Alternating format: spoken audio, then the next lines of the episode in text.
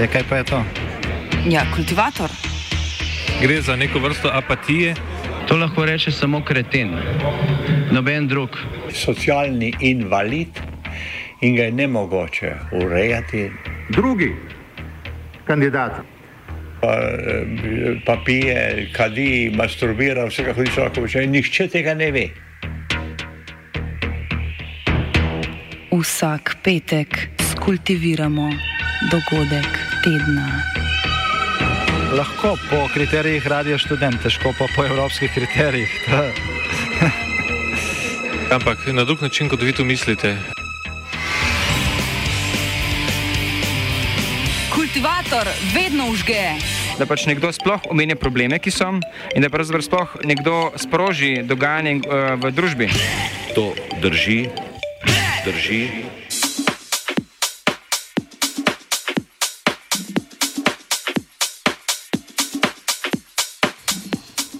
Ja, novembra je konc, spet delamo. Uh, Irena Majcen bo do naslednjega novembra ostala na YouTubu. Uh, pozdravljeni v kultivatorju, v katerem bomo trije sodelavci aktualno-politične redakcije secirali uh, tako imenovano krizo golobjih let.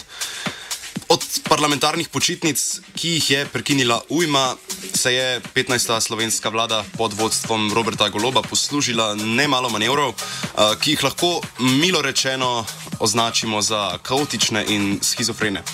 Ljudje so nehali plesati, ne plešajo več, predsednik vlade Robert Golob pa, ja, lahko bi rekli, da mu zmanjkuje vzvodov moči, s katerimi bi sploh lahko zavrtel muziko. Plešemo lahko tudi brez muzike, ampak kaj ko vlada, v, tem smislu govorimo predvsem o javnih razkolih v gibanju Svoboda, niti nima zanesljivih okončin, niti trde podlage. Uh, tako da bomo v družbi mojih sodelavcev Tija in Fabija v prihodnji uri se bomo sprehodili preko zadnjih nekaj mesecev in tednov, ki so jih zaznamovali odhodi ministrov, napovedi o prestrukturiranju vlade in pa kupčkanju v gibanju Svoboda. Prejšnji teden pa je za nameček vladno koalicijo namočil še kozmični dež. Torej, večje spremembe so se v vladni ekipi pojavile v začetku oktobra in premijer Robert Golob je koalicijske partnerje seznanil, da takratna kmetijska ministrica Irena Šinko in pa ministr za naravne vire in prostor Uroš Brežan ne uživata več njegovega zaupanja. Golob je takrat dejal, da je Brežanovo ministrstvo pri poplavnih ukrepih delovalo prepočasi, Šinko pa so bila razhajanja že prej, tudi z upravo z varno hrano je bil en od razlogov. Um, in vse to je potem pripeljalo do odstopa obeh ministrov, sledi pa je potem še odstop Sanje Ajanovič-Hovnik, ministrice za javno upravo. Ja, pri rošadah na ministrstvih je do izraza ponovno in morda najbolj očitno, da sedaj prišla než možnost, da premije za vodilne položaje pridobi kadre, ki bi imeli vse načelno podporo tako v javnosti kot uh, med stroko, če slednje dve množici dojemamo kot neki referenčni za dejanje te vlade, v smislu, da je marsikater ukrep ustrojen na način, da javnost ni nezadovoljna, oziroma če ukrep uh, nekako v javnosti naleti na nezadovoljstvo, se ga potem kasneje spremeniti, tako da je javnost vsaj približno zadovoljna, uh, medtem ko pač morajo biti nepriljubljeni ukrepi. Ta vlada zapakira na način, uh, da so pravzaprav to, tako ali tako predlagani strani stroke. Ne. Zdaj, pri kandidatih, imena katerih je golo poslal v državni zbor, te bojazni, da bi naletel na neodobravanje, ni. Zdaj, zakaj? Preprosto zato, ker ju, kandidata za ministra za javno upravo Franca Propsa in kandidata za ministra za naravne vire in prostor Jožeta Novaka, pa tudi tretjega, najverjetnejšega kandidata za kmetijski resor Vojka. Adamiča nihče ne pozna. Ampak mi smo za, za to tukaj, da jih boste, drago poslušalstvo, spoznali ob naši pomoči. Na mestu je še ta povdarek, da dva od izpraznjenih treh ministerskih mest uh, sta začasno prevzela Lenka Bratušek in Marjan Šarec, torej ministra, ki jo je golob z njunima strankama pripojil v svobodo po izpadu SAB in LMŠ iz parlamenta po lanskih uh, aprilskih volitvah. Skratka, kadrovski bazen svobode je očitno uh, tako plitek, da sta morale luknje flikati do nedavno še predsednika dveh drugih torej konkurenčnih strank, in pa uh, bivša premijeja. In uh, zato bi lahko temu bazenu rekli. Ali mlakuža, ali pa gre za bazen, ki ga toliko časa pravzaprav ni nihče vzdrževal, da je mlakuža to postala. Začnimo z brez dvoma najbolj vročim ministerskim stolčkom, tistim v javni upravi. Resor bo prevzel poslanec Svobode Franz Props, magistr poslovodenja in organizacije. Pred izvolitvijo je bil dve leti načelnik upravne enote Litija, kamor ga je imenoval takratni ministr za javno upravo Boštjan Koritnik. Predtem je bil osem let generalni direktor družbe SPL, kjer se ukvarjajo z upravljanjem in vzdrževanjem stanovanskih in pa poslovnih objektov. Po informacijah časnika Delo se je Props z direktorske funkcije SPL-ja moral umakniti zaradi slabega poslovanja. Kot poslanec je prop sicer razmeroma redko beseden, po podatkih eh, parlamenta je izgovoril le tretjino besed glede na povprečje, je bil pa na vzoč pri skoraj vseh glasovanjih. Eh, besed pa ne bom mogel štediti sindikati. Vemo, bliža se novo leto, ko se izteče marsikateri sindikalni rok, do katerega more vlada uh, priti s svojimi predlogi za Izboljšanje plač v javnem sektorju in Branimir Štrukel, predsednik Konfederacije sindikatov javnega sektorja, uh, je za časnik delo povedal, da upravičeno predpostavlja, da se bo kandidat, torej Props, uh, spoznal na plačni sistem, ker tega časa za učenje ne bo. Uh, Štrukel smo poklicali tudi sami, kaj nam je povedal Matija. Ja, res je, Branimir Štrukla smo uh, poklicali in uh, takoj nam je lahko rekel, da on v bistvu ne ve, da tega poslanca propsa pretendenta za ministra za javno upravo praktično ne pozna, je pa izrazil en dvom v njegovo poznavanje plačnega sistema. Uh, in nam je rekel, da v primeru, da bodoči minister props plačnega sistema ne pozna, da smo milo rečeno v globoki zagati, v globoki mlakuži, uh, v motnih vodah. No, kandidat za ministra za kmetijstvo je upokojeni poklicni vojak, vojsko, mislim, Vojko Adamič. V tedajni teritorijalni obrambi in v slovenski vojski je bil od leta 1980 do 2011. Po izobrazbi zootehnik Adamič velja za ljubitelja živali, ki se ukvarja z vzrejo kos. Seneno kozje mleko prodaja. Ja, ja. In, no, vse so luškane. Um, sicer pa, ja, politično se je do sedaj udejstvoval kot predsednik lokalnega odbora Gibanja Svoboda v Ivančni Gorici, kjer je na zadnjih lokalnih volitvah neuspešno kandidiral za župana, valjda se je zmagal SDS. Um, in poleg tega upravlja tudi funkcijo generalnega sekretarja seniorjev Gibanja Svoboda. Ja, torej priča smo temu, da uh, se ministre uh, ponovem vleče iz penzije, kar sicer ni nič narobe, ampak uh, gospod je v penziji že vsaj sedem let uh, in zdaj očitno uh, mu je bilo malenkost dolg čas. Uh, še en kandidat za ministra je Jože Novak in sicer za uh, okolje in prostor, je uh, diplomirani inženir karinske arhitekture. Državne ustanove mu niso, tu je bil direktor Zavoda za prostorsko planiranje, državni sekretar na Ministrstvu za okolje in prostor in direktor Republikanskega stanovanskega sklada. Na ministrstvo ga je pripeljala um, Alenka Bratušek in takrat je postal potem državni sekretar, ki se je do sedaj ukvarjal z obnovo po poplavah in plazov, plazovih. Um, je pa predtem na ministrstvu za finance bil vodja projekta prenove sistema obdavčitve nepremičnin, kar bi bila tudi uh, podlaga za uvedbo nepremičninskega davka, ki ga pa očitno pod to vlado še ne bomo videli. Ja, z razlogom smo začeli s temi uh, tremi pretendenti oziroma dvema pretendentoma za ministre. Uh, kot je že kolega povedal, radi govorimo o nekem kadrovskem bazenu, ampak lahko z gotovostjo rečemo, da Gibanje Svoboda bazena nima, je pa stranka ena sama mlakuža, ki od vidnih funkcionark in funkcionarjev zahteva, da se čim bolj zakopljajo v blato. Zato, ker pač vsak, ki malo bolj gleda ven iz blata, je nekako več, kar pa bo tudi neka naša premisa nadaljevanja oddaje. Za začetek pa bomo besedo prepustili našemu nekdanjemu prišepetovalcu Tadeju Trohi. Nimamo se od česa več odbitno. Tako se mi zdi, da res um, je. Um, veš, eh, tako bom rekel, v momentu, glih to, to glasovanje zadnjične, moment, ko, ko ti deluješ, ko se ti obnašaš v parlamentu tako, da te v glavo začnejo rugati SDS in NSI. In jaz, ko to gledam zraven, si rečem, ja, mislim, šale so slabe, ne, ampak imajo pa prav, ne, veš, mislim, eh, v tistem momentu pomeni, da si, da si zaradi njih, ne, po, po asociaciji, da smo, ker smo mi upotegnjeni po asociaciji, vsi, mislim, ti, jaz in vsi, ne, upotegnjeni v to, um, je konec ne, za nekaj časa. Jaz si ne predstavljam, mislim, ne predstavljam si.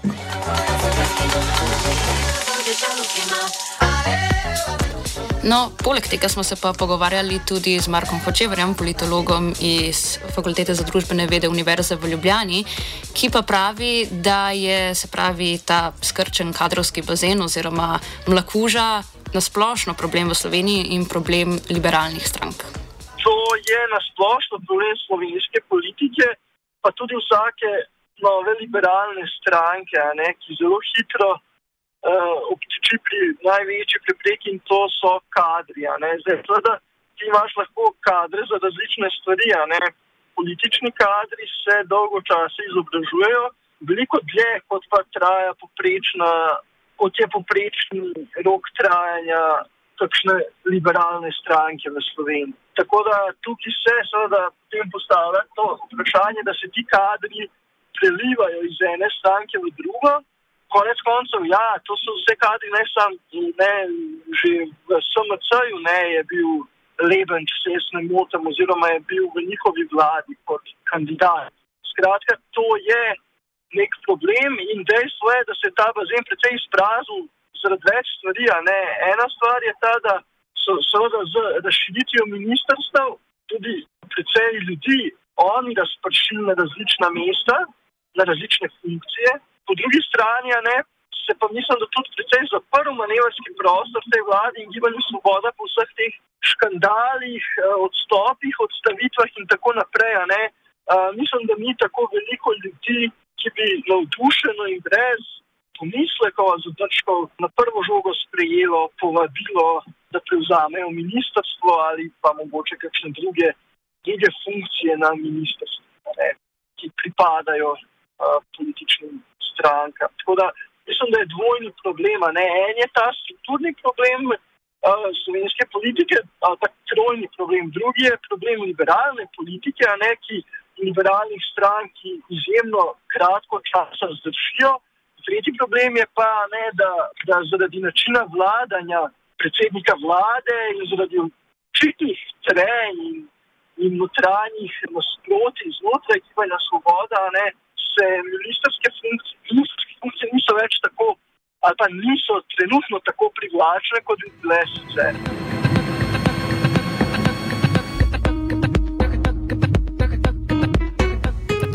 Oktobrske menjave ministrov so takrat odprle vprašanje morebitne rekonstrukcije vlade. Golop je dejal, da se mora vlada preoblikovati iz reformne v krizno zaradi reševanja posledic avgustovske ujme. Krizna vlada pa deluje bolj učinkovito, če je sestavljena iz manjšega števila ministrstev. Premijer je torej od začetka svojega mandata večkrat premislil. Najprej je želel povečati število ministrstev, kar mu je potem uspelo z zakonom o vladi, ki smo ga potrdili tudi na referendumu. No, na to je začel govoriti o vitki vladi in zmanjšanju števila ministrstev, a kot vidimo, je ambicijo o zmanjšanju števila resorjev opustil in ponovno bomo imeli 20 ministrov in ministric.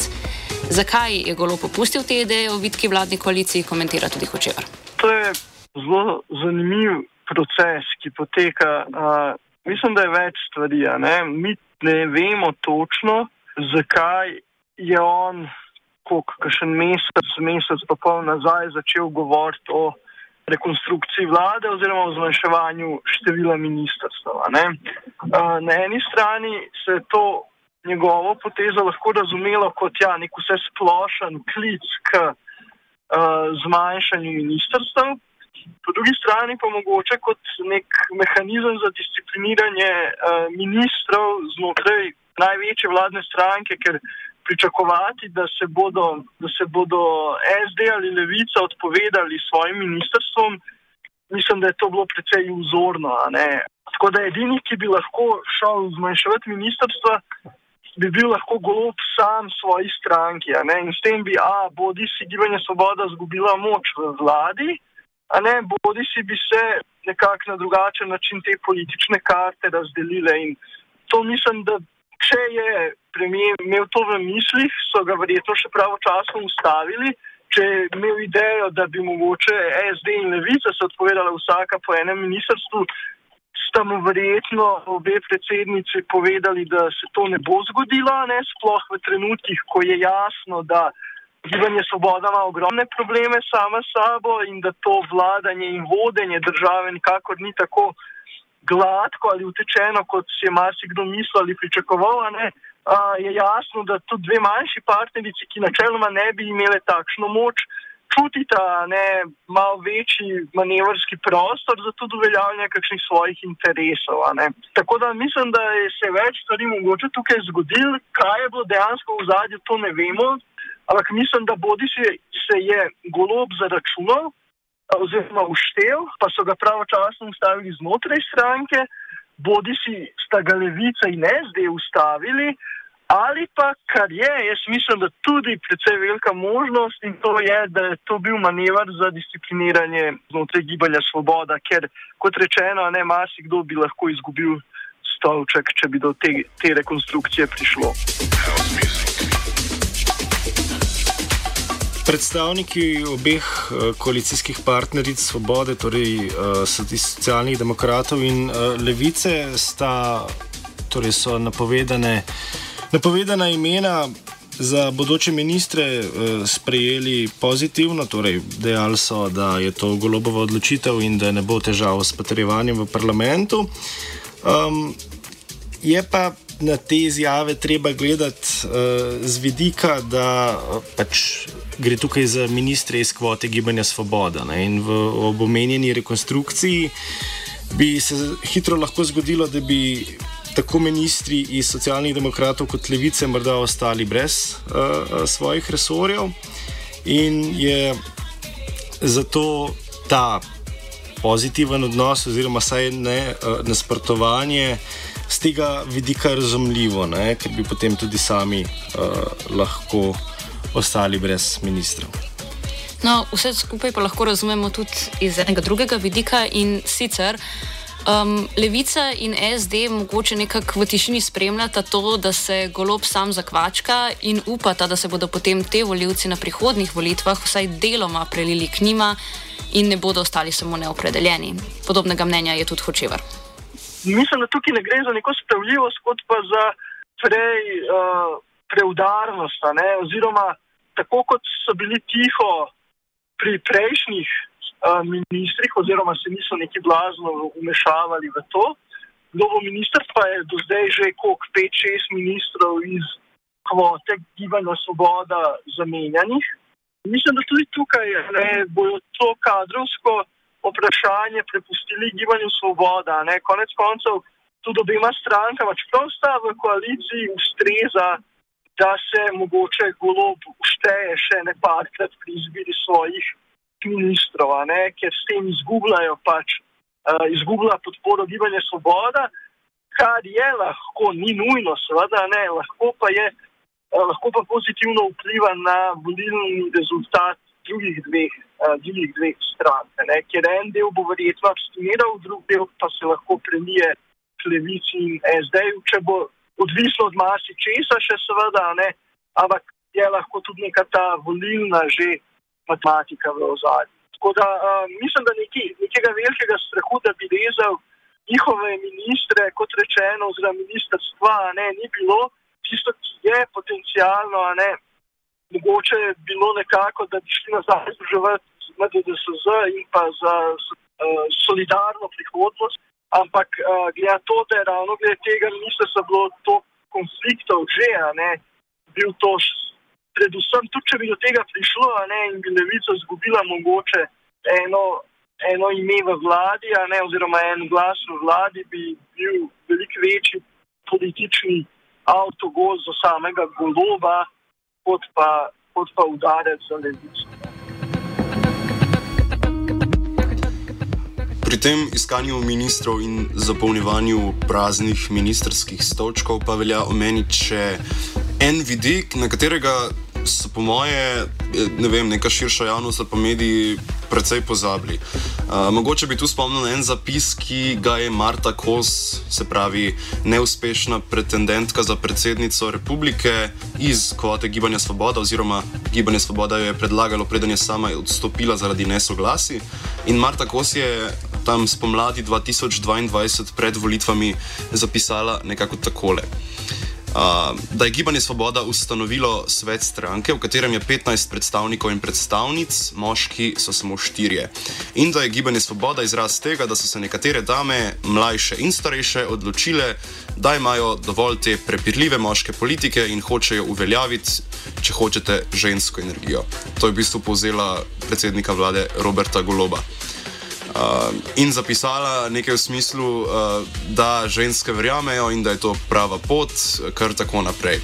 Zato lahko pač naj bi po mnenju Marte Kos pričakovali, da bo golob sestavil vlado z uh, spolnim razmerjem v ministerskih vrstah 50-50. In če se vrnemo v zdajšnjo sestavo vlade, lahko vidimo, da je ministric šest od dvajsetih. Od tega so tri ministrice iz manjših koalicijskih strank, torej uh, iz uh, SD in pa Levice. Gibanje Svoboda pa ima tri ministrice od petnajstih položajev, ki jih po zdajšnji razdelitvi v vladi lahko uh, zasede, se pravi Gibanje Svoboda. Uh, Ta vidik, da se je pred volitvami Gibanje Svoboda predstavljalo za neko kvazi feministično stranko, oziroma lahko rečemo kar demokratsko, uh, ta vidik nekako ne sovpada s tem, da je danes na položaj uh, golob predlagal pač. Tri ljudi, ki jih je praktično povlekel iz penzije. Uh, in tadej troha, s katerim smo se pogovarjali, je tega mnenja, da je na tem pač kriznem položaju, v katerem je golob, veliko lažje prepričati nekega moškega, ki pač nima pojma o tem resorju, da dejansko zauzame ta položaj, kot pa v to prepričati ženske, da bi se pač nekako pozitivno stigmatizirala ta stranka. Ker zaradi moško središčnosti same politike ženske veliko težje nasedajo temu. Se pravi, lahko tu tudi nekaj impliciramo, da ja, ti ti ministri, ki bodo zasedli te tri uh, prazne ministerske stolčke, so nek izhod v sili. Uh, smo že govorili, da to, da imaš koze doma, ni glih razlog, da si minister, um, ampak dobro, imaš pa vsaj dobro seneno mleko. No, ampak um, poleg teh vseh težav, ima pa težave tudi pri nekako usklajevanju oziroma nadzorovanju svojih ministrov in pa poslancev, se pravi iz kvote Gibanja Svoboda. Golob namreč želi, da delajo pol njegovo in več kot očitno prihaja do nekih tren. Še posebej razvidno je bilo to na seji, na kateri so poslanci glasovali o proračunskih dokumentih. Natančneje, zataknilo se je pri glasovanju um, amandmaja k 64. členu zakona o izvrševanju proračuna za prihodnje dve leti, ki ste ga vložili opozicijski SDS in pa NSI. In v bistvu takrat se je zgodila cela zmeda, se pravi 64 navzočih poslancev in amandma ne bi bil z 34 glasovi za potrjen. Potem pa so se začele pojavljati tukaj težave, se pravi, ja, po eni strani naj bi izvlekli nekateri poslanci ven kartice, prišlo naj bi do nekih tehničnih napak, skratka, še zdaj ni točno jasno, kaj se je zgodilo. In s tem se je ustvarila neka sektaška skupina, ki naj bi izvlekla te kartice za glasovanje in naredila po svoje, ne pleše namreč tako, kot bi želel premijer. In ta dogodek in vzdušje v stranki je komentiral tudi Troha. Uh, mislim, da ta dogodek uh, največ pove o tem, kako, prav zaradi tega nadaljevanja, skratka, kako so ta problem potem pokrili. Jaz mislim, da uh, je glavni problem zlasti gibanja svobode v tem, da gre za neko grupacijo, ki, um, in tudi golop je v to seveda na polno vključen, ki ne razume, ki ne pozna koncepta nepovratnega v nobenem smislu. Torej, za njih se stvari nikoli, vse je možno popraviti za nazaj, oni tako verjamejo, kot da čas ne teče. Eh, kot da so se napake, nima nekih potem materialnih sledov, da se to nekam ne zapisuje. Ne? Ampak mislijo, da v momentu, ko si oni premislijo, da je zgodovina za nazaj pobrisana in da je ta odločitev tista, ki je zadnja, je pravilna in vsi morajo na vse, kar se je prej zgodilo, pozabiti. Ne? Tudi Golop, recimo, je imel neko izjavo v smislu, ne vem, kje je že to bilo, češ, ko so ga vprašali, ne, ja, vi neki ste, pa jeste vi, ne vem, predlagali to, predlagali luno. Eh, Pa so potem ministri to začeli delati, ne? Eh, so začeli nek, neke zadeve, zadeve pač vaše ideje prevajati v prakso. Pa je on rekel nekaj takega, kot da ja, to sem takrat samo nekaj tako mimo grede rekel, jaz nisem zares pričakoval, da bodo ljudje mene poslušali in začeli delati. Ne? Spet je to nekaj, kot da si v bistvu na vsakem koraku lahko premisliš, ne? da, da, nič, da nič ne velja, da nič eh, nobena obljuba, nobena napaka, nobena zaveza, to nič ne šteje. Vsta proces, nič ne šteje, vse, kar šteje, samo tisto, kar človek na koncu naredi. In to je v bistvu cela ta stranka se obnaša tako, kot en, mislim, nek zanimiv psihološki profil, ki uh, je navaden na to, da se mu vedno vse grehe odpušča. Ne? Da je eh, kot človek, ki, je vedno koma, ki ima vedno komando uh, glede interpretacije svojih dejanj, svojih želja, svojih besed. ne, In uh, za katerega ne obstaja, pravzaprav polje, da rečem, ne lakanovsko velikega drugega. Ne. Razhajanja v stranki pa so se pokazala tudi konec meseca oktobra, ko so neimenovani člani uh, Svobode portalu NN dali informacijo oziroma dezinformacijo, da golo podpredsednice državnega zbora Urška Klakočar Zopančič zahteva, da zapusti funkcijo. Na novinarski konferenci stranke so naslednji dan pojasnili, da Klakočar Zopančič um, v bistvu zapušča samo funkcijo podpredsednice stranke Gibanja Svoboda in ne predsednice parlamenta. Ja, in to je bila taka zelo. Uh, uh, Na hruk narejena predstava za javnost, za vse tiste, ki smo gledali tisto tiskovno konferenco. Uh, je pa tu treba omeniti uh, še to, da se predsednika oziroma predsednica državnega zbora razrešuje na tajnem glasovanju in da v trenutnem razmerju moči v parlamentu svoboda sicer uh, prevladuje, ampak govorili smo torej že o morebitnem razkolu znotraj svobode in moja špekulacija tukaj je, da bi bilo zelo malo verjetno, sploh ob tem, da bi opozicijski poslanci uh, absolutno ne rušili uh, Učka Krakočar Zopančič, ker za to nimajo uh, nobenega razloga. Uh, torej v, znotraj svobode in pa tudi levica, pa SD se verjetno ne bi najdel dovolj poslancev in poslank, ki bi na tajnem glasovanju uh, dejansko uh, razrešili Urško Klakočar Zopančič in s tem bi se nekako vrnili v stanje, uh, ki je bilo uh, takrat, ko je SDS poskušal večkrat neuspešno razrešiti takratnega predsednika državnega zbora uh, Igorja Zorčiča. Jaz bi, da lahko umestimo pač ta fenomen Urške Klakočar Zupančič, ki je v resnici kar konkreten fenomen, če govorimo. Ne? Pač lahko se spomnimo na konec volitev oziroma na njihov povolilni parti, se pravi parti Gibanja Svoboda v Cvetličarni. Imamo Roberta Goloba na big screenu, uh, Urško Klakočar Zupančič, ki se objema z odstavljeno poslanko Mojca Štin Spašek uh, in vse zgleda, ne vem, po mojem mnenju, kot da je se je neka raketa pravkar izstrelila v orbito in to je zdaj zmaga naše ekipe. Um, ampak kar se je zgodilo potem v nadaljevanju, da je v bistvu Urška Klakočar Zupančič volilnemu telesu dala nekaj, česar pravzaprav še ni videlo. Torej, izzivala je z nekim prevračanjem nekih utečenih političnih norm, um, ampak okrcali so jo večkrat v javnosti tudi v vrstah opozicije. Lahko se spomnimo, da jo je uh, vodja poslanske skupine socialnih demokratov Jani Prednik uh, enkrat ja, javno okrcal, ko je zahtevala prisotnost poslancev na sejah. Um, torej, za Urško Klakočar Zupančič se v resnici zdi, kot da je mislila, da lahko s to svojo nekonvencionalnostjo ali pa novostjo, zelo neposrednim pristopom do politike prinese nov veter. Ampak ta njen pasivno-agresiven. Pa na trenutke tudi skrajno aroganten pozitivizem in vera v to, da nekaj spremeni, se je v bistvu spremenilo v to, da so znotraj stranke, se pravi v gibanju Svoboda, jo zaznali, kot da je ona v navskrižju s tem, kako si stranka sama predstavlja nek kodeks delovanja in pa tudi glasovanja. O gibanju Svoboda torej lahko govorimo uh, kot o nekem uh, bendu z enim moškim, one-man bandom, se pravi z Robertom Golobom. Urška Klakočar Zupančič, ki pa je dobivala precej pozornosti, uh, pa je verjetno želela biti več kot uh, samo um, PR obraz, mogoče neka prispodoba uh, kitaristke. Ja, in uh, ravno pri tem, ko smo pregovorili o, o spolnih kvotah in uh, večini ministrov in manjšini ministric, uh, če pogledamo, uh, gibanje Svoboda pravzaprav nima političark. Uh, ki bi bile v javnosti uh, prepoznavne, še tiste, pa, ki so jih vržejo iz stranke. Ne?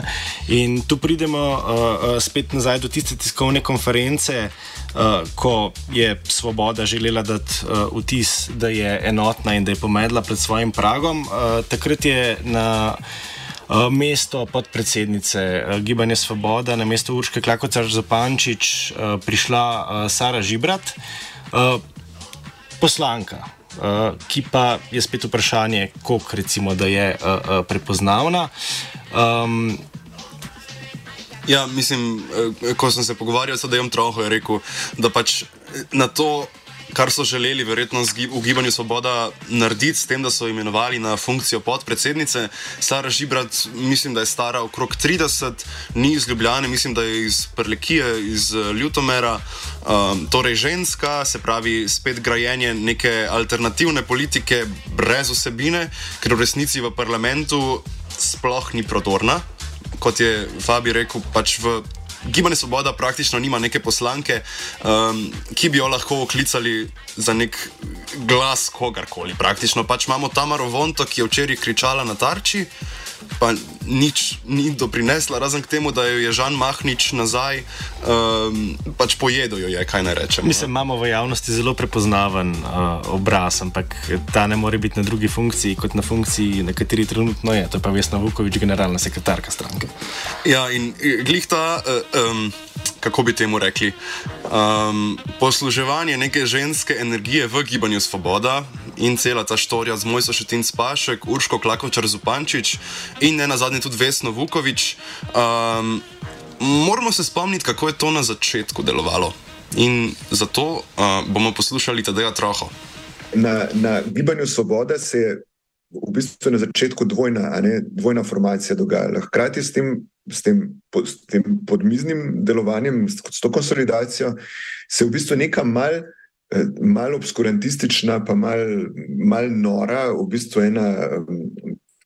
Se, mislim, ja, neka sekta začela ustvarjati na, na ravni neke močne vere v to, da vere v dobro delovanje, v, do, v, v, v dobro delovanje njih samih, v vere v tem, da je možno z nekimi z bolj odprtim govorom družbo odpreti, mislim, odpreti politični prostor na ta način, da naredimo kakšno gesto, za katero nas je bilo prej sram, pa dajmo, a, a ne, uno, s tistim znamenitim mahanjem, ne, na, pa, za, pa s petkami, pa ne, ne, z vsemi, vsemi temi zadevami. Skratka, uh, odpreti mal, ne.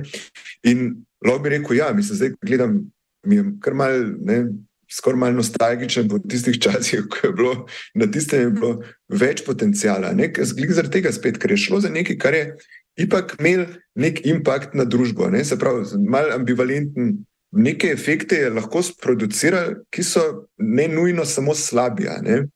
Ko ti v bistvu štartaš, da je družbo odpreti, da je si več upati povedati, da je en drugmu, ne več, več uh, Dajmo se pokritizirati, če treba, dajmo se pohvaliti, če treba nekaj.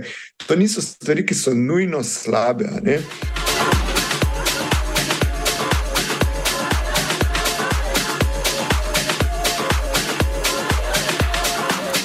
Ja, torej, o tem, kar je govoril Tadej Troha, torej, da so znale, znali v Gibanju Svoboda na začetku mandata uh, sproducirati neke te efekte, ki so povzročali nek, vsaj govorilo se je o tem, zdaj se govori praktično samo še o tem, um, ne, kakšne afere ima vlada in da je ta sentiment tega odpiranja nekega prostora, pa tudi še brez nekih materialnih posledic, praktično zamrl. Torej, od tega gibanja svoboda ni niti gibanja, niti svobode.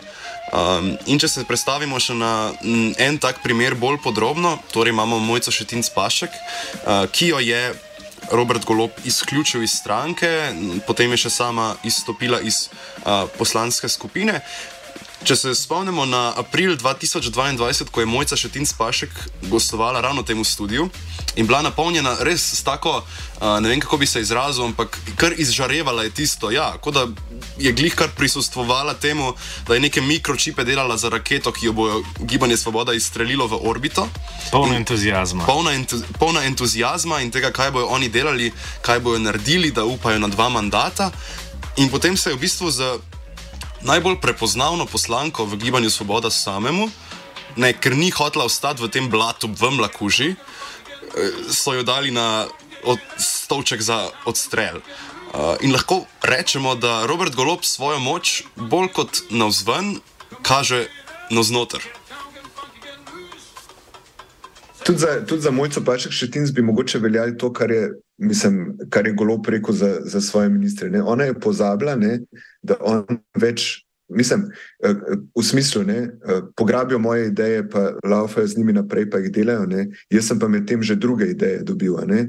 Uh, je nek očitno odpor do tega, da se na tak ali drugačen način uh, oseba, ki je z njim povezana, osvobodi, v tem smislu, da sama začne delovati. Ne, um, ne osvobodi nujno njega, ampak da samo.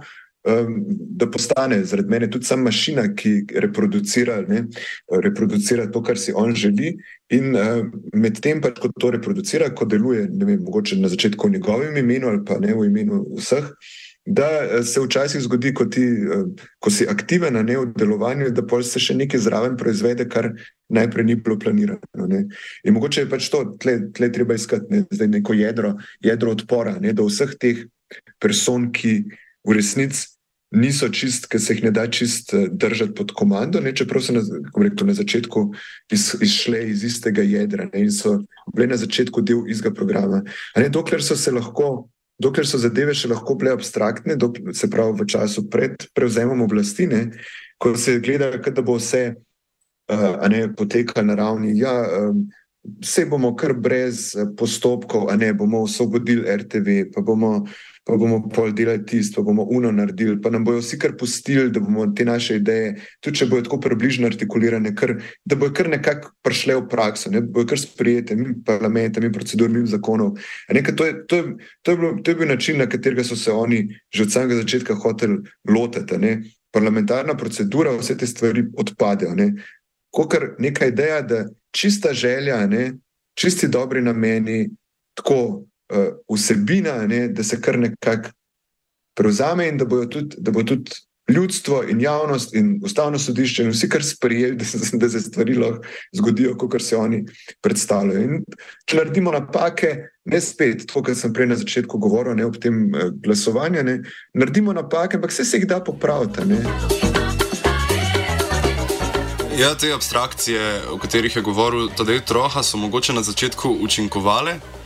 Zdaj pa lahko rečemo, da so vse abstrakcije, s katerimi operira kdorkoli iz Gibanja Svoboda, postale uh, v namen same sebe. Pač Gibanje Svoboda je imelo v začetku neke bizarne aspiracije pod neki spremembi političnega prostora, karkoli so si že predstavljali pod tem. Se veste, golo je rekel malo levo, malo desno, uh, gibanje Svoboda ni stranka. Um, ne, pač oni so zasnovali to kot gibanje, ampak kaj se je zgodilo, je pa ravno to, da je v bistvu gibanje Svoboda postalo samo še ogrodje stranke. Pač stranka z najbolj očitno hierarhijo, ki je vsem na očeh, golob izkazuje svojo moč na vzven s tem, da to hierarhijo skozi vse komunikacijske kanale stalno osvetljuje. In pa lahko bi rekli, da ima Gibanje Svoboda od vseh teh novih političnih projektov uh, najbolj, naj, največjo vsebinsko poroznost. Um, prodaja, mislim, v medijih pa vidimo slišimo podobe tega, kako notorični figuri sta Vesna Vukovič in Damir Črnčec, ki naj bi imele po nekih neuradnih informacijah uh, v Gibanju Svoboda um, veliko moči. Um, ampak ne, kot sem že rekel. Na, te, na vrhu te hierarhije pa je Robert Golob, v katerem se je v zadnjem času um, nabrala vsa moč in torej celo gibanje Svoboda gre k temu, da je v bistvu to gibanje goloba, prelet goloba. Ni jata golobov, ampak je samo en golob, ki ga pitajo z pozornostjo, on pa pač dela, kar dela. Na mestu, da bi šli v, ne, da bi stavili na javno podobo, pa na, ne, na osebnosti, pa na prezentacijo javnosti, pa na, pravi, na politiko odprtega tipa, ne, so stavili na to, da mi moramo, da bomo uspeli, moramo ustvariti neko trdo podmizno jedro. Ki nas bo ščitil pred napadi in ki nas bo delal močne. Ne? Napadi od iz desnice in napadi iz levice. Skratka, moramo se tukaj konsolidirati na tej ravni, preprečiti dostope, kontrolirati, kaj kdo komu pove, ne? gledati telefone, gledati komunikacijo, spremljati, ne? prežati nad svojimi v bistvu ljudmi. Uh, in so stavili na to, da, da jih bo ta konsolidacija tukaj naredila močne. Ne? Mislim, ta vlada je res, mislim, to, to, to, ta koalicija res dobro pokaže, da kakorkoli obračamo, da je vedno boljša pot igrati odprto igro, iskati moč v javnih nastopih, iskati moč v komunikaciji z javnostjo, s prezentacijo, tudi če je mal demagoška, ne, je še vsem boljš. Um, kot v bistvu staviti vse na to, da boš ti z, vem, s tem, da boš prepričal ljudi pod mizo, pa jim grozil, pa, pa nekaj probo na ta način doseči, da boš lahko kaj skozi spravo. Ne gre, ker, ker se v resnici ta podporna struktura, mislim, da je to okrog. To, da vendarle morajo obstajati ministri, ki imajo svojo pisarno, ki imajo svoj, svojega voznika, ki imajo svoj avto. Ministri še zmeraj morajo obstajati, kljub temu, da obstaja Vesna Vukovič, pa Damir Črnčica. Um, rekel, če bi šli ta, to, kar oni uh, hočejo, da bi delovali samo, če grejo all the way, ne? da rečejo, ok, ukinemo ministrstva, vsa, res jih imamo pet, Vesna Vukovič jih prevzame pet, pet jih prevzame Črnčec, pet pa golopa, ne pa smo, pa imamo zrihten. Pač, če tega ne narediš, ti bo zadeva razpadla in boš postal žrtev samega sebe. Upad podpore Gibanju Svoboda je razviden tudi uh, v javnomnenjskih raziskavah, pri čemer pa je zanimivo, da obe koalicijski partnerici, uh, tako SD kot uh, Levica, na ta račun pravzaprav nista kapitalizirali svoje podpore. Tukaj velja tudi omeniti, da stranki kot taki bi si lahko privoščili uh, malenkost uh, več kritike uh, do največje koalicijske partnerice, pa tega pravzaprav ni, razen uh, občasnih izpadov gospodarskega ministra Matjaža Hana. Uh, tega ni zdaj, zakaj?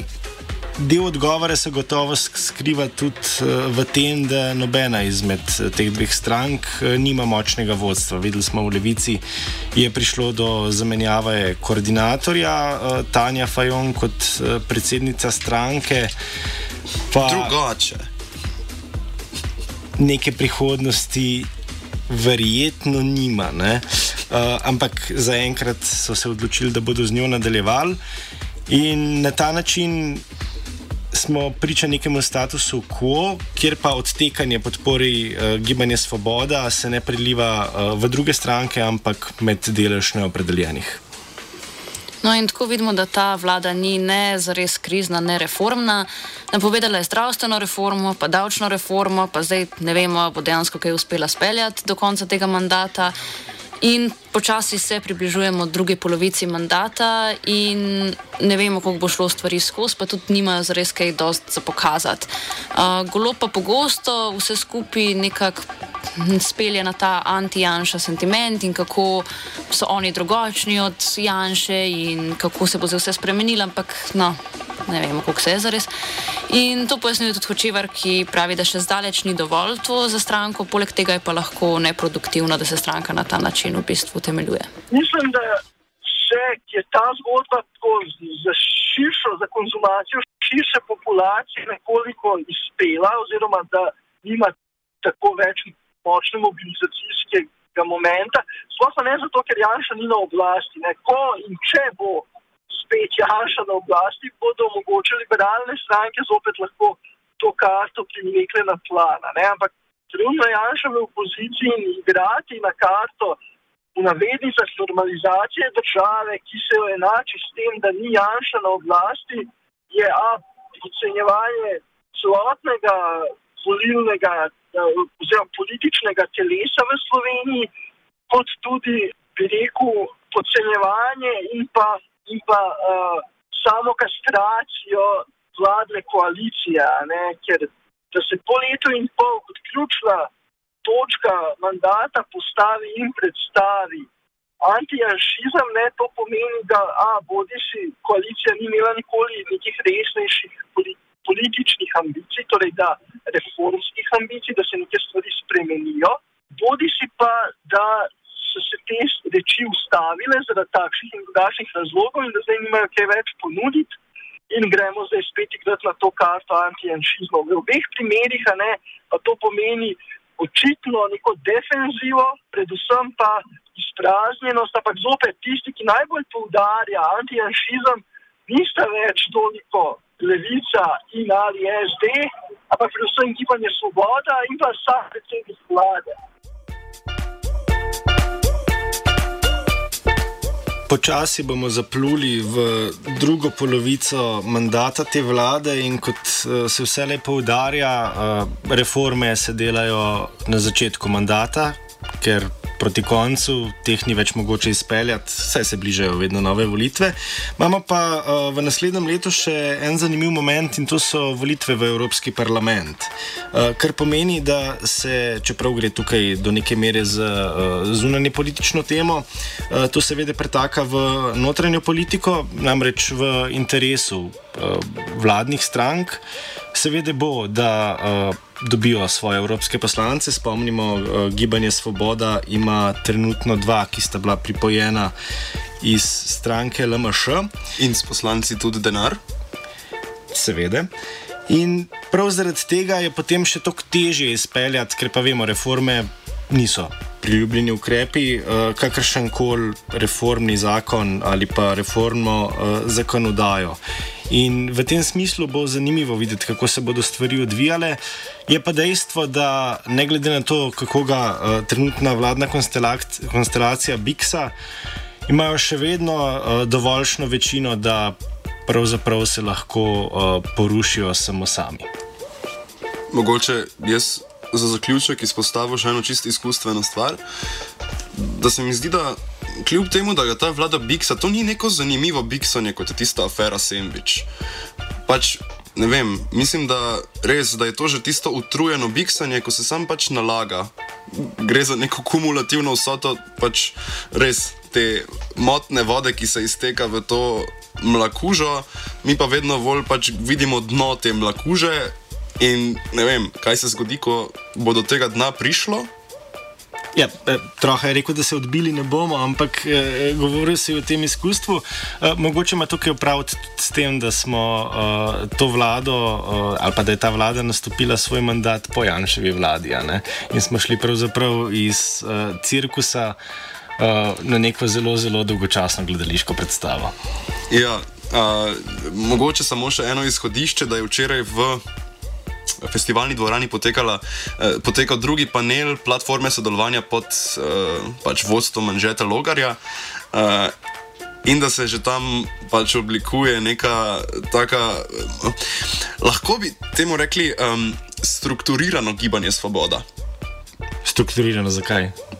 Mislim, imaš stare strukture iz SMC-ja, jer ne pikalo iz SD-ja, ki uh, je na Twitterju javno pač rekel: Tanja Fajon, kaj delaš, ne moreš ti kot sama iti v, v SZN in govoriti, da si ti naredila nekaj za Slovenijo. Uh, Vseeno se mi pač ta logarjev projekt zdi premišljen nov obraz. In se, da se Anžel Logar predstavlja kot nek mesija, kot nek novi Jezus, skoraj. Um, in da, ne vem, vse ni tako. Um, ne, nespregledan politični akter trenutno. Jaz spregledan ni zato, ker mediji nimajo drugega za počet kot uh, poročati o dogajanju na desni uh, in tam se pravzaprav, da se kaj dogaja, se dogaja s uh, to platformo. Ampak dokler je to na ravni debatnega krožka, pač eh, nekih posebnih sprememb uh, ne bo. Uh, zdaj tudi konec koncev gibanje Svoboda ima v svojih vrstah uh, nekih starih struktur, tako da tukaj pač neke usporednice vsem so.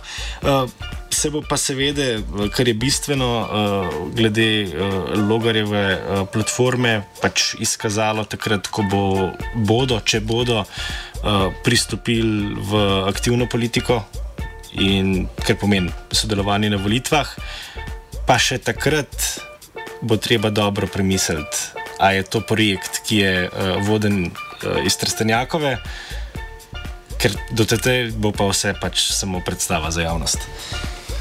Ja, konc je te. Lahko rečemo, da je naše predstave za javnost danes konc. Uh, je, naša javnost je precej manjša od javnosti Gibanja Svoboda, ampak lahko rečemo, da smo mi z njo v veliko boljših odnosih. Uh, hvala, da ste nas poslušali. Kultivirali smo Matija Tija. In žiga. Aj, čau.